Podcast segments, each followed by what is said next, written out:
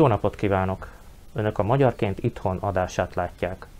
Tiszteltel köszöntöm a stúdióban Nagy Olivért, alsószeli evangélikus lelkészét. Jó napot kívánok! Zsidó János Esperes plébánost Nyékvárkonyból. Jó napot kívánok! És Somogyi Alfrédot, apáca szakálas református lelkészét. Tiszteltel köszöntöm! Áldás békesség, jó napot kívánok! Istennek dicsőség, mindannyiukat üdvözlöm még egyszer. Alkalmat a beszélgetésünkre a népszámlálás ad. Ez a téma azt hiszem sokunk számára most már húsba vágó kérdés. Február közepe óta van módunk kitölteni az elektronikus híveket, és hát elég ellentmondásos híreket hallani a körül, hogy nem igazán aktív a felvidéki magyarság az elektronikus hívek kitöltése tekintetében. Önök mit tapasztalnak a környezetükben? Elsőként Somogyi Alfredot kérdezem. A református egyházunk számára ez nagyon fontos kérdés, tehát mi egy komoly kampányjal indultunk a népszámlálásoknak, olyan szinten, hogy eh, nálunk például a gyülekezetben, Apáca szakálason minden háztartásba, a postaládába oda is került a református egyház eh, szórólapja, eh, reklámfilm, Facebook kampány, molinók, ugyanis valóban nagyon fontos, hogy hogy állunk vele, ezt nagyon nehéz lenne megmondani, hiszen az egyház menet közben nem méri, tehát ilyen számításaink nincsenek. Vagyis olyan adatokat, amelyek az utóbbi napokban láttak napvilágot, hogy két héttel az elektronikus kérdőívek kitöltésének határideje előtt nagyjából 60-70 százalékos részvétel van, illetve érdeklődés van a népszámlások iránt. Ilyen adatot sajnos nem tudok mondani a református egyház berkeiből. Én bízom benne, hogy az a kampányszlogen, ami nem csak szlogen, hanem hitünk szerint igazság is, hogy magyarnak és reformátusnak lenni Istentől való érték. Én hiszem, hogy ez nagyon sok felebarátunknak, hittársunknak a szívében ott van, megmozdította őt, és bízom benne, hogy az arányaink jobbak, mint a 60-70 százalék. Érzése szerint a református egyház által elindított kampány eléri a célközönségét? Hogy látja ezt?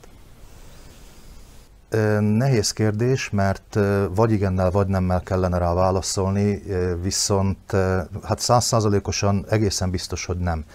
De azokat, akik a református egyház felé valamiféle vonzódással, affinitással rendelkeznek, hogy a legnagyobb kört kezdjem, a legtágabb kört, azokhoz minden bizonyal elér ez a református egyház népszámlálási kampánya, Azokhoz pedig, akik igazából a gyülekezeteinkhez kötődnek, azokhoz egészen biztosan. Értem. Zsidó Jánost kérdezném, az ön közösségében mennyire érzékelhető az, hogy az emberek tudnak erről a népszámlálásról, hogy fontos számukra bevallani a nemzetiségüket, magyarságukat, illetve a felekezethez való kötődésüket? Hát a katolikus egyház kicsit sajátos helyzetben van ebben az országban, mert a szlovák többségnek a 10%-át tesszük ki nagyjából, az egyház vezetősége teljes mértékben szlovák. A szlovák püspökar küldött levelet a plébániáknak, hogy buzdítsuk az embereket a népszámlálásra. Hát az, hogy nincsenek istentiszteletek, ez, ez még rosszabbá tette a helyzetet, mert az a személyes kontaktus, ami eddig meg volt a egyházközség tagjaival, ez megszűnt. Hát én is próbálok telefonon, személyesen bíztatni, és tudom, hogy sokan teszik hasonló módon, és hát remélem, hogy majd meglátjuk, hogy a két hét után mi lesz az eredmény, és hát majd utána nézzünk jobban, hogy akik valami oknál fogva, hát különösen idősebbekre kell gondolni, akik nem tudták kitölteni, megpróbálunk segíteni rajtuk. Még ugye október végéig van lehetőség, és hát helyzet hát, ha változik, és akkor személyesen is tudjuk megmozgatni ezeket a szálakat. Igen, hogy tegyük hozzá, hogy március végéig van még lehetőség elektronikus formában Igen. kitölteni, és október végéig pedig asszisztensek Igen. közreműködésével. Nagy Olivért kérdezném, ugyanez lenne a kérdés, az önközösségében mennyire érzékeltő az embereknek a népszámláláshoz való hozzáállás? Egyáltalán tudnak arról, hogy népszámlálás zajlik? Ö, nyilván tudnak róla. Ö, például a legutóbbi tömeges tesztelésen ö, meg is kérdezték a, a, az ott lévő önkéntesek, illetve dolgozók, hogy részt vettünk-e már rajta. Tehát nyilván a településen, ahol, ahol szolgálok, ott ez egy, ez egy élénken, egy élénk téma. Másrészt igyekszünk mi a gyülekezeteinkbe is, a magyar közösségé, vagy illetve a magyar uh, gyülekezeteinkbe is eljutni ezt, eljuttatni ezt az információt. Ugyanis mi abban a sajátos helyzetben vagyunk, felvidéki magyar evangélikusok, hogy uh, az egyházunk hivatalosan magyar nyelven nem jelentetett meg semmiféle népszerűsítő anyagot, kampányanyagot. Kicsit magunkra vagyunk utalva a Facebook, a, a, a különböző kommunikációs eszközök világában, de tesszük a dolgunkat a, a gyülekezeteinkben, és próbálunk minden felvidéki magyar evangélikust arra buzdítani, hogy a nemzetiségi hovatartozása mellett tartsa fontosnak a felekezetet, felekezetit is, ugyanis megjelent egy furcsa jelenség az egyházunkon belül is az úgynevezett progresszív keresztények, akik arra próbálják ösztönözni a, a többieket, hogy ne jelöljék be a, a felekezeti hovatartozásukat, illetve az egyéb részbe írják be, mert ezáltal szeretnék azt elérni, hogy az állam ne finanszírozza közvetlen módon a, az egyházakat, ami igazából nem biztos, hogy, nem biztos, hogy egy helyes irány, egy helyes út. Kérem, hogy tartsa is magánál a szót. Változott az egyházak finanszírozásáról szóló törvény, de azért mégis nagyon fontos az, hogy hányan vallják be a felekezethez való kötődésüket. Ez alapján támogatja az állam az egyházakat. Hogyan látja ezt a változtatást? Előnyére szolgál ez a felekezeteknek, egyházaknak, vagy pedig olyan tendenciák is kiolvashatók belőle, amik, amik nem erősítik a felekezeteket? Az életbe lépett egyházi törvény, illetve egyházfinanszírozási törvény, illetve az egyházak támogatásáról szóló törvény, hogy pontos legyek, jó, hiszen egy 1949-es államosítási törvényt vált fel. Tehát ebből a szempontból vitathatatlan a, a szándék. Másrészt nagyobb, ö, szabadabb kezet ad az egyházvezetőknek arra, hogy mire költsék ezt az állami támogatást. Megszűntek az úgynevezett ö, bértáblázatok a, a, az egyházon belül, és, és ö, ez egy szabadabb mozgásteret ö, jelent látszólag, viszont ö, azt is el kell mondani, hogy, hogy ö, bár ez az összeg nagyobbnak ö, tűnik, mint a, az eddigiek, viszont a minimálbér növekedést például nem ö, követi, és, és ez aztán későbbiekben tükröződik a lelkészbéreken is.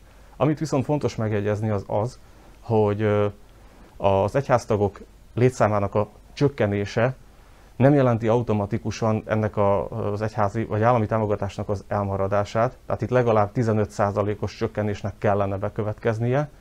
Egyrészt, másrészt meg tegyük hozzá, hogy az evangélikus egyház nevében beszélve az állami támogatás a, az összbevételeknek körülbelül a 25%-át teszi ki.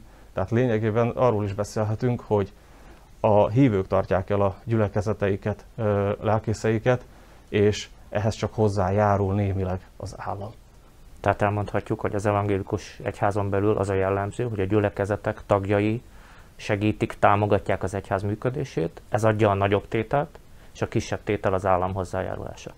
Ha jól értettem. Igen, igen, igen, ezt elmondhat, elmondhatjuk, hiszen a, a lelkészi hivatalokat, a templomokat, az egyházi létesítményeket az adott egyházközösség tartja fenn, míg a lelkész fizetését biztosítják államilag, illetve hát annak egy részét, és ebből kifolyólag lehet azt mondani, hogy az állam csak hozzájárul az egyházak működéséhez. Ugyanez a helyzet a katolikus egyház esetében is, hogy az állami támogatás ez csak egy, egy hát ott még, kisebb még rossz, része rosszabb, a működésnek? Rosszabb a helyzet. Még rosszabb. Hát ami a egyházközséget támogatja az állam, az csak a műemléktemplomokra, a műemlék dolgokra uh-huh. érvényes, másra nincs. És a hívek részéről pedig a katolikus egyházban nincs egyházi adó. Tehát lényegében csak a pörső pénzből él az egyházközség. Amit a pörsőbe beletesznek, azt tudjuk csak felhasználni, más, más nincsen. És hát a legkészítő fizetésnél is, ahogy a kolléga mondta, hogy hát egy kisebb részét állja az állam, többit az egyház községnek kellene állni. Tehát mivel se egyházi adó nincs, se más bevétel nincs, ez kicsit problématikus.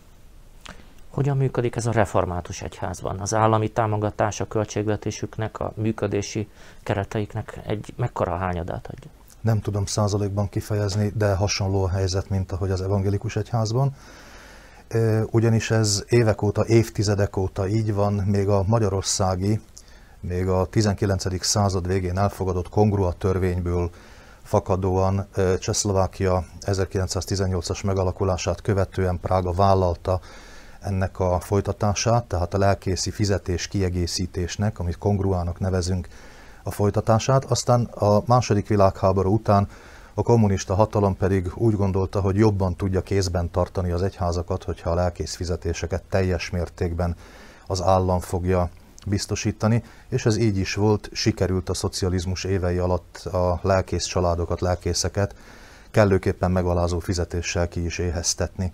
és gyakorlatilag az első nagy változás ezügyben, ez a tavaly január 1 -e óta hatályban lévő új egyház finanszírozási törvény.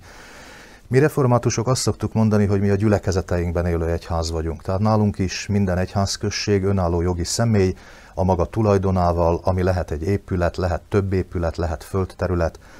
Minden alkalmat, minden ingatlant, minden adót maga az egyházközség kell, hogy finanszírozzon, vagyis gyakorlatilag ugyanaz a helyzet, mint az evangélikus egyházban, az állami támogatás, ez igazából két dologra fordítható, illetve most ebben már könnyebbség van, de gyakorlatilag két dologra tudjuk fordítani. Az egyik a lelkész fizetések, a másik pedig az egyházi központnak, vagy mondjam nagyon egyszerűen a püspöki hivatalnak a működési költségeihez járul hozzá, és ebből finanszírozható az állami dotációból a püspöki hivatal működése.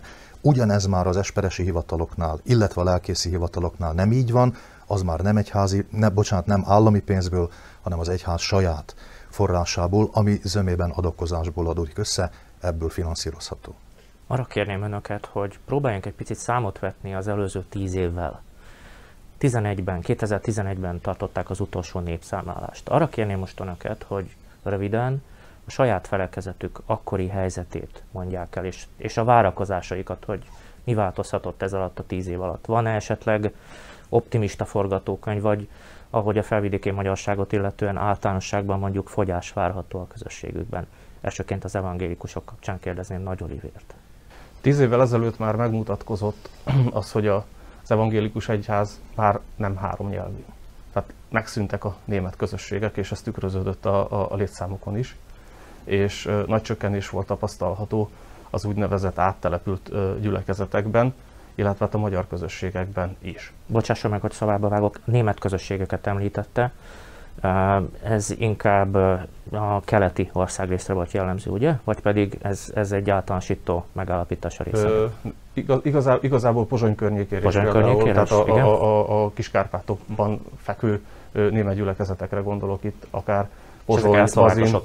Igen, igen, ezek elszlovákosodott gyülekezetek míg ugye a, a lakosság csere után keletkező gyülekezetek is egyre inkább elnéptelenednek, illetve hát el kell mondjam, hogy a magyar közösségeink is, főleg a lelkésziáinak köszönhetően, nem is mondom azt, hogy elszlovákosodnak, mert ez nem igaz, hanem inkább azt mondom, hogy a, főleg városokon a, a református gyülekezeteket erősítjük Kassától Pozsonyig, és én innen köszönöm a református kollégáknak azt a lelki gondozást, amit a, az evangélikus testvérek irányában is folytatnak. Viszont hogy azért optimisták is tudjunk maradni. Én úgy látom, hogy, hogy egy megfelelő szervezettségnél a helyzet menthető, sőt javítható. Az utóbbi évek tapasztalatai azt mutatják, hogy ott, ahol sikerül különböző alkalmakat megvalósítanunk, illetve magyarul, magyar ige hirdetők szolgálnak, ott a gyülekezetek növekedésnek indulnak, és ezt kellett volna elősegítenie egy egyházvezetői szintű találkozónak a tavalyi évben, épp március 10-én valósult volna meg. Ugye a határokat lezárták, ezért értelemszerűen eh, nem került rá sor. Szeptemberben ugyanez volt, és mi most várunk erre a nagy püspöki találkozóra, amely minden reményeink szerint eh, sokat segít a helyzetünk előre mozdításán. Számokról tudnánk beszélni a 2011-es népszámlás kapcsán és a várakozásokat illetően? Pontos létszámokat nem tudunk mondani, hiszen, hiszen a, a törvények szerint csak evangélikusok vannak, tehát ilyen viszonylatban nem létezik nemzetiségi lebontás, viszont körülbelül tízezerre tesszük a felvidéki magyar evangélikusok lélekszámát, és, és ebből körülbelül egy olyan 5-7 ezer tagunkról tudunk, a többieket pedig arra kérjük, hogy, hogy jelentkezzenek az adott lelkész hivatalokban, és, és hogy együtt tudjunk a, a továbbiakban működni velük és szolgálni nekik. És ez a szlovákiai evangélikus egyházon belül mekkora hányadot jelent? Egy elenyésző kisebbséget? Hát igen, igen, mert ugye a, a szlovákiai evangélikus egyház a második legnagyobb egyház az országban, tehát 326 ezer tagja volt a legutóbbi népszámláláson, és ha ezt összevetjük egy 10 ezer tízezeres lélekszámmal, Pozsonytól egészen nagy tárkányig, akkor tényleg azt lehet mondani, hogy szórványban élünk, vagyunk, de vagyunk és meg szeretnénk maradni. Értem. Zsidó János említette, hogy mintegy 10%-át adják a szlovákiai katolikusoknak a magyar ajkúak. Önöknek erre van egy, egy nyilvántartása, becslése? Nincs, nincs. Hát mi is majd a népszámlálási adatokból fogjuk pontosítani, hogy, hogy hogy is állunk pontosan. Ez számszerűségében mit jelent? Hát nagy, nagyjából azt jelenti, azt a 10% az 10% marad mindig. Tehát ahogyan mondjuk csökken a szlovák katolikusok száma, ugyanúgy csökken a magyar katolikusok száma is.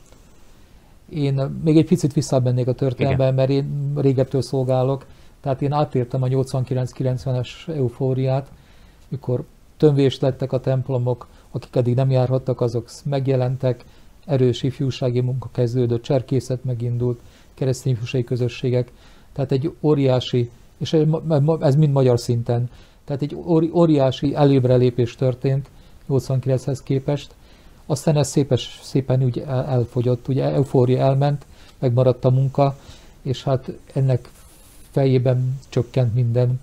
Csökkentek ifjúsági közösségek, csökkent a cserkészet, csökkent a templomba járóknak a száma is. Mi is kíváncsi vagyunk, hogy, hogy végül is mányon vagyunk, de gondolom, hogy végül is nem a számok mondják meg a jövőt, hanem mi van az embereknek a szívében. Ha belegondolunk, hogy 12 apostol kezdte a munkát, és mennyien vagyunk, hát ahhoz képest sokkal többen vagyunk, mint, mint a kezdet kezdetén volt. Hát egy ilyen újjászületésnek kellene kezdődni, beindulni, és akkor talán valamennyi egyházunk közösségei megújulnának, és, és jobb lenne, jobb lenne az, a szám szerinti eredmény is. Lát erre jeleket? Erre a megújulásra? Vannak biztató jelek? Az hát, ön közösségében akár? Részben vannak, részben, de, de csak kicsibe, kicsibe, de hát minden kicsibe kezdődik, hogy azok a ifjúség mozgalmak, amik úgy nagyba voltak, most kicsibe újból kezdnek újra éledni, és hát a lelkészeknek a nagy többsége megfiatalodott. Ugye az idősebb lelkészek azok mind elmentek. Én már az idősek közé tartozom, ma nem vagyunk sokan ilyen korúak. Tehát a, a lelkészek abszolút többsége fiatal, és hát akkor bennük van a remény, hogy akkor ők majd megpróbálnak egy más szinten, más módon, más erővel indulni, és nem nagyba gondolkozni, hanem kicsibe. Ez a katolikus egyház és az népegyház, ez már megszűnt, ez már nincs, hanem kis közösségek vannak, ezeket meg tudjuk erősíteni, akkor biztos, hogy lesz jövő is. Milyen reményekkel várja a felvidéki magyar reformátusság ezt a cenzust, az idei cenzust, és tíz évvel ezelőtt milyen adatok jöttek vissza az akkori népszámlálásba? Én optimista vagyok, mások szerint naív, megint mások szerint nagyon utopisztikus, de én amíg az adatokat nem látom, addig reménykedem abban, hogy legalább hozzuk azt a létszámot, amit tíz évvel ezelőtt.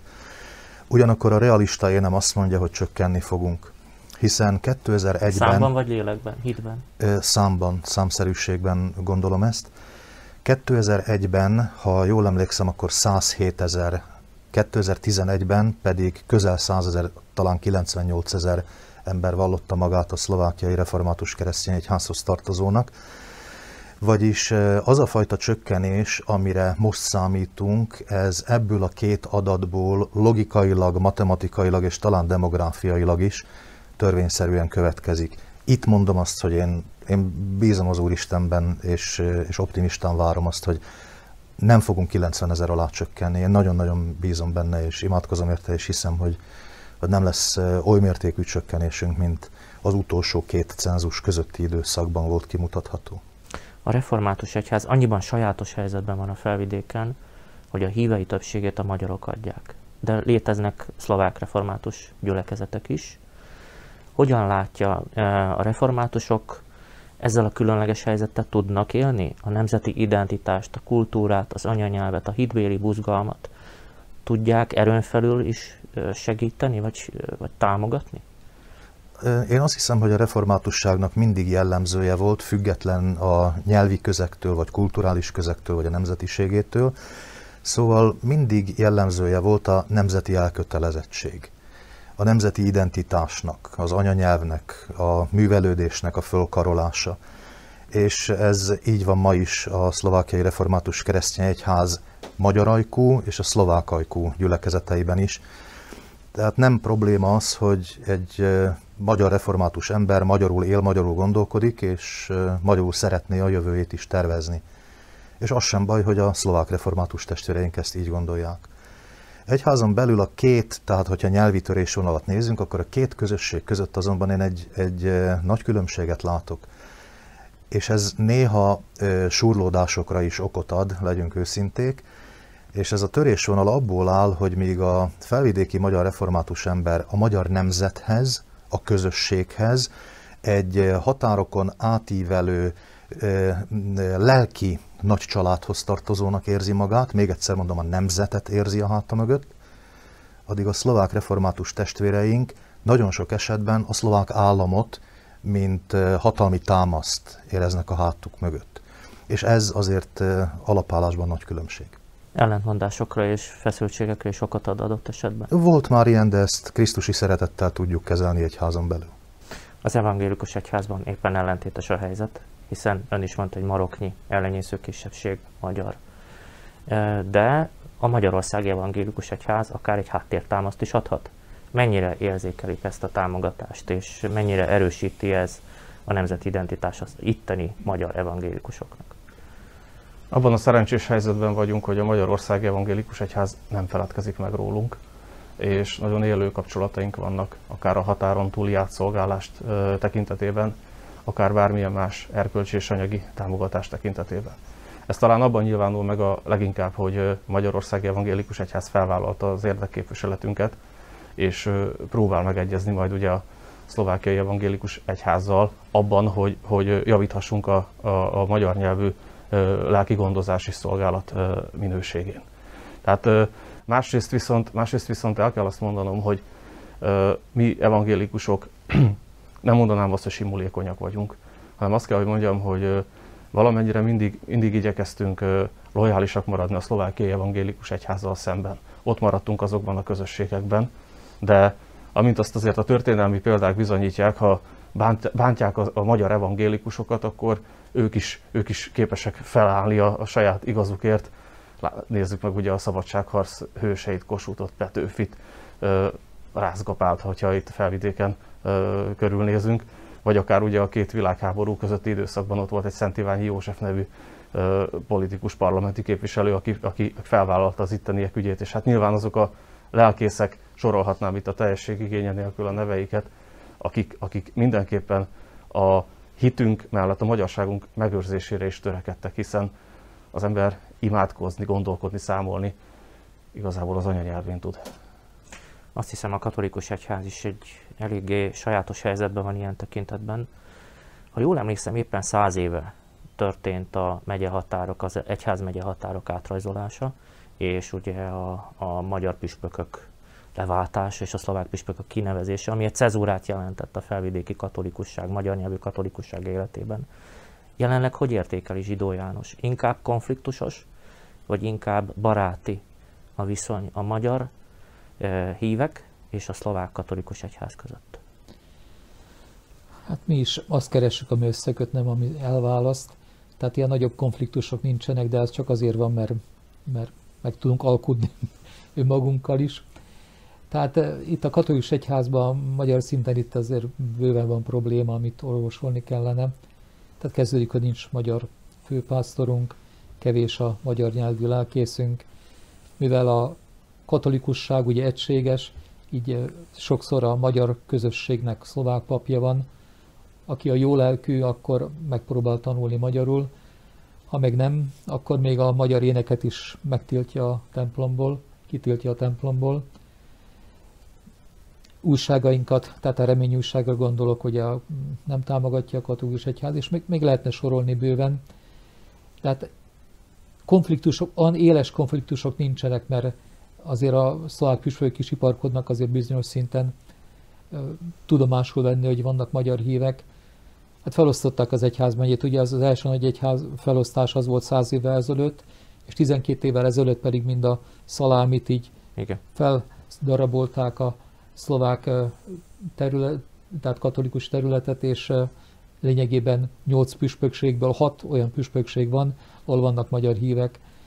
Hát magyar püspök nincs, hát ez akkor történt, mikor 16. Benedek volt a pápa, Hát tőle sokat vártunk, mert ugye német, meg ismeri a helyzetet, és mikor láttuk, hogy ez történt, akkor nagyon, nagyon csalódtunk, de aztán láttuk, hogy a pápa azért mégiscsak lépett egy kis lépést, mégpedig elrendelte, hogy minden szlovák püspök mellé legyen magyar püspöki helynök, ami ugye nem jelent segédpüspököt, de mégiscsak valami, valamit jelent, mert ez jár magyar helyekre bérmálni, búcsú tartani, és itt tovább. Tehát bizonyos szinten azért mégiscsak, de ez, ez kevés, ennél sokat több kellene nekünk, vagy magyar főpásztor, vagy legalább magyar segédpüspökök minden olyan egyház megyébe, ahol magyarok vannak, tehát ez hat egyház megyét Pozsontokassáig. Tehát itt sok járunk Komárom imá, imádkozni az imanapra, jópásztor vasárnapján, húsvétenék vasárnapján. Hát reméljük, hogy ez, ez a imá előbb-utóbb meghallgatódik, és akkor Magyarországról is, hát a püspökök nagyon finoman viszonyulnak a mi problémáinkhoz. Hát vannak püspökök, eljönnek, hogyha hívjuk őket búcsúja, papilelkiakot tartani, és így tovább. De úgy, úgy nem szólnak bele a itteni dolgokba, tehát nem mernek tárgyalni a szlovák püspökkel a gondjainkról, problémáinkról. De hát kitartottunk száz éven keresztül, hát reméljük, hogy a következő száz évben is kitartunk, és, és majd, majd csak javulnak ezek a helyzetek. Az a lényeg, hogy megmaradjunk. Ha megmaradunk, akkor biztos lesz jövőnk. Az előbb úgy fogalmazott, hogy 89 után egy nagy nekibuzdulás élt meg ön is, és a közösség Igen. is. Ez látványos volt, és utána ez, ez visszahanyatlott. És most hol tartunk? Hát én kiszakadtam a magyar közösségben, 20 éven keresztül félbe voltam plébános Szent mellett. Hát ott a nagyfokú asszimilációt éltem meg, mert ugye Pozson közelsége hozta a lakosokat félbe, meg a többi falumba is, ami hozzám tartozott. Tehát mikor oda mentem 20 évvel ezelőtt, mind a négy egyház, tehát filiás egyház község is magyar volt többségében, mikor 20 év után jöttem, már szlovák volt többségében. Tehát a, nem egy magyarra se lett kevesebb, csak a beköltözött szlovákok megjelentek, és hát követelték a saját jogaikat, tehát így aztán minden templomban be kellett vezetnünk a szlovák nyelvű Isten tiszteleteket is, és így tovább, és így tovább. Hát még oda jutottunk, hogy a kereszteleskövő az abszolút többségben szlovák volt, temetés az magyar, hát az is két nyelvű, ugye, mert mindenütt vannak szlovákok. Tehát vagy úgy nézett ki, hogy ha magyar meghal, a templomban nincs helyette senki, szlovák meg se hal, és önnek helyette. Tehát mindig több és több lett a szlovák Isten tisztelte járó. Tehát tele volt a templom a szlovák Isten tisztelte, magyarul meg félig. Ugye ezt úgy átéltem, hogy lassacskán asszimilálódott az egész közösség. Részben ugye az, hogy kevés magyar gyerek születik. Szlovák családban most is értelmiségi családban is három-négy gyerek van, magyaroknál esetleg egy vagy kettő. A szlovák iskola, a vegyes házasságok mindig a magyar fél volt a vesztes, és hát még lehetne sorolni tovább. Úgy is tönkre lehet tenni egy magyar iskolát, hogy nincs közelbe magyar középiskola, szakközépiskola. Tehát félek is, ha nem akart a Duna utcára menni a gimnáziumba, akkor csak szlovák szakközépbe mehetett, tehát e- eleve már szlovákosodott, és, és aztán ez folytatódott azzal, hogy barátai szlovákok lettek, akkor a házastársai szlovák lett, gyerekei szlovákok lettek.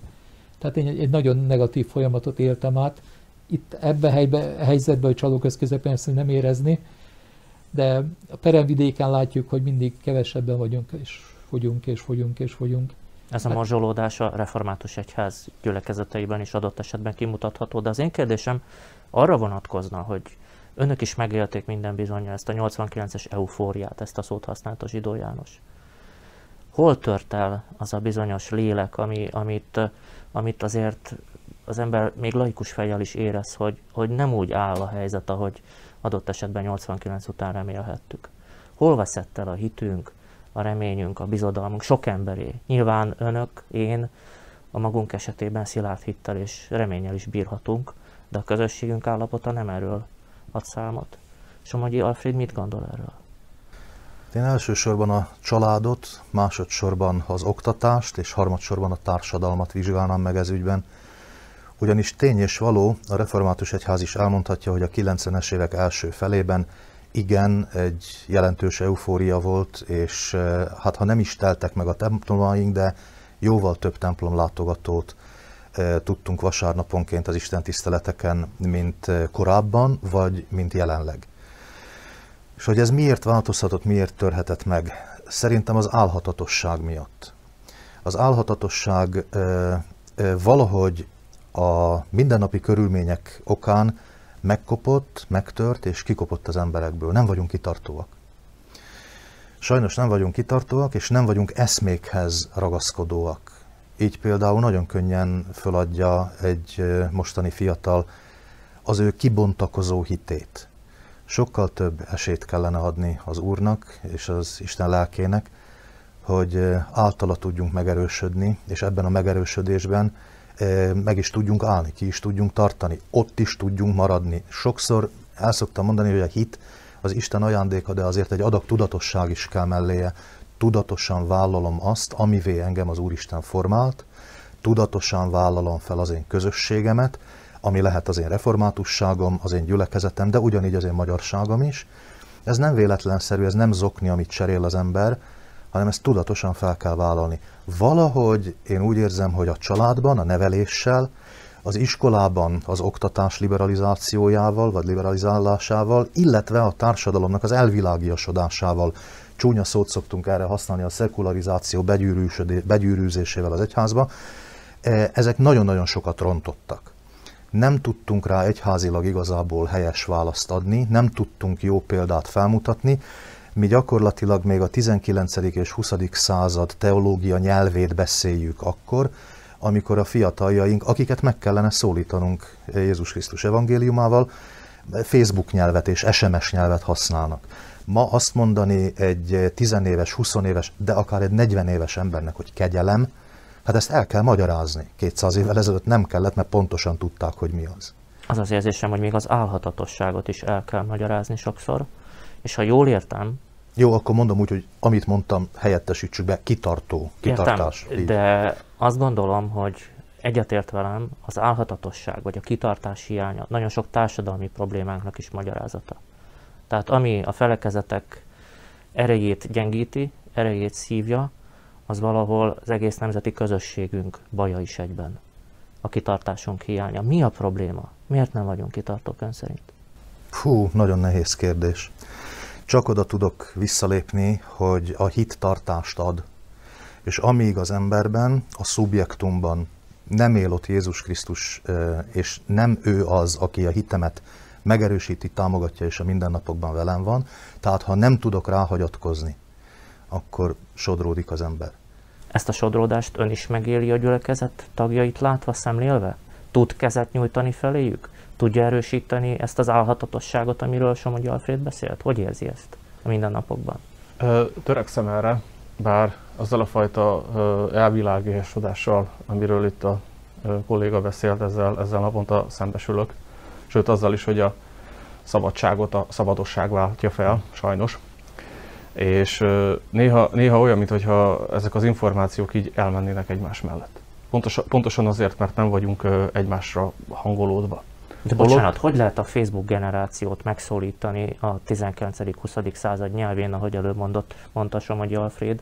Van-e az önkezükben olyan, ami, ami ezt a kommunikációs szakadékot át tudja, át tudja lépni? Az ember elég ehhez? Én pedagógusként hosszú ideig azt hittem, hogy igen. Voltak részsikereim.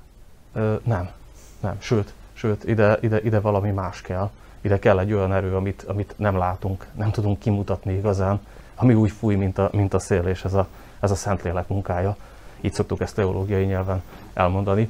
És érdekes, hogy a mai Facebook generáció számára is, lehet, hogy a nyelvezetünk az, az 19. századbeli, de vegyük példaként a Szentírást, hogy az, az pedig egy, egy 2000 éves alkotás, és még, még, még mindig Isten a Szentíráson keresztül szólítja meg a hívő embert. Tehát azt kell, hogy mondjam, hogy nekünk mindig újra és újra vissza kell nyúlnunk a, a, a forráshoz. Hiszen Jézus a maga nemében, a maga korában korszerű volt, és azért volt korszerű, mert hiteles volt. Tehát, tehát nekünk igazából a hitelességre kell törekednünk minden, minden generáció felé, és, és ha ők ezt megérzik, akkor, akkor én nem azt mondom, hogy ugrásszerűen vagy egy csapásra istenfélővé vagy hívővé válnak, de, de van egy olyan tapasztalatom is, hogy azok a fiatalok, akikkel utoljára gyerekkorukban találkoztam egy templomban, vagy egy házasságkötés révén, vagy egy keresztelő révén, vagy a, vagy a megélt élettapasztalatok kapcsán visszatalálnak abba az adott közösségbe és gyülekezetbe, mert már valamit átéltek, valami talán hiányzott az ő számukra, és ugye egy kicsit beszéljek az aktuális helyzetről is. Most ugye nekünk már a koronavírus utáni időszakra kell hangolnunk és, és terveznünk, azt hiszem, hogy visszajutunk majd egy kezdőpontra. És nagyon nem lesz mindegy az, hogy erről a kezdőpontról milyen irányba haladunk tovább, és, és milyen módszereket próbálunk meg ahhoz megtalálni, megkeresni, hogy megszólítsuk a, a koremberét. Ha jól értem, azt mondja, ez a válság, amit most mindannyian megélünk, veszteségeket szenvedünk el, ez egy katarzist is hozhat? Egy, egy új lendület, egy új kezdetet? Mindenképpen, mert szerintem Isten már elkészítette a szabadulást. Tehát már, már, már az ő kezében ott van, a, ott van a terv, ezt meg is fogja nekünk mutatni. A kérdés az, hogy mi akarjuk-e látni ezt a tervet, és akarunk-e szerinte tervezni és tovább haladni. Ezt majd mi döntjük el, mert Isten ebben is szabaddá tesz bennünket. És ön ezt hogy látja személyként, emberként? Mi felvidéki magyarok ezt a tervet értjük, érezzük, és magunkénak fogjuk érezni? Megmaradunk? Ha én ezt másképp mondanám. Ha elfogadjuk az Isten által felkínált lehetőségeket, akkor nem megmaradni fogunk, az, az, az kevés. Gyarapodni fogunk. Tehát akkor a közösség megérzi, megérzi magában azt a, az erőt, ami, ami egy hozzáadott értéket képviselhet, és előrébb viheti a, a, a, sorsát. És ez nem biztos, hogy egy anyagi gyarapodás lesz, hiszen óriási regionális különbségek is vannak akár, hanem, hanem egy, egy érzelmi szívbéli, gyarapodás. ami sikerül, ami segít áthidalni még, még, még azokat a gazdasági, meg társadalmi különbségeket is, amelyek most regionálisan akár fennállnak. Ez nagyon fontos a jövőre nézve. Mindannyian közül Zsidó János bír itt a legnagyobb élettapasztalattal. Hitről, reményről, álhatatosságról beszéltünk. Arra kérném Önt, Öné az árszó lehetősége. Adjon néhány biztató gondolatot, egy kapaszkodót mindannyiunknak, nézőinknek, felvidéki magyaroknak. Mibe kapaszkodhatunk? Hitünk, reményünk, megmaradásunk, reménye, gyarapodásunk esélye növekedjen. Hát egyedül az Úrba kapaszkodhatunk, senki másban nem. De fel kellene, hogy a kollég is mondta, fel kellene készülni erre a időszakra, amikor véget ér ez a vírus, mert 89-ben egyik hiba az is volt, hogy nem voltunk felkészülve a változásra.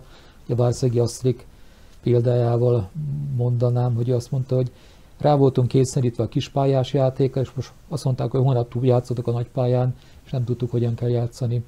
Tehát fel kell készülni, elsősorban lelkészeknek kellene felkészülni, kímádkozni, tervet készíteni, mert ez jelentős változás volt sajnos ez a, ez a Covid, mert pont a, a híveink nagy része, vagy jelentős része ment el, mert idősebb generáció az jobban jár templomba, és azok lassacskán elég, elég szép számban elfogytak, vagy elfogynak.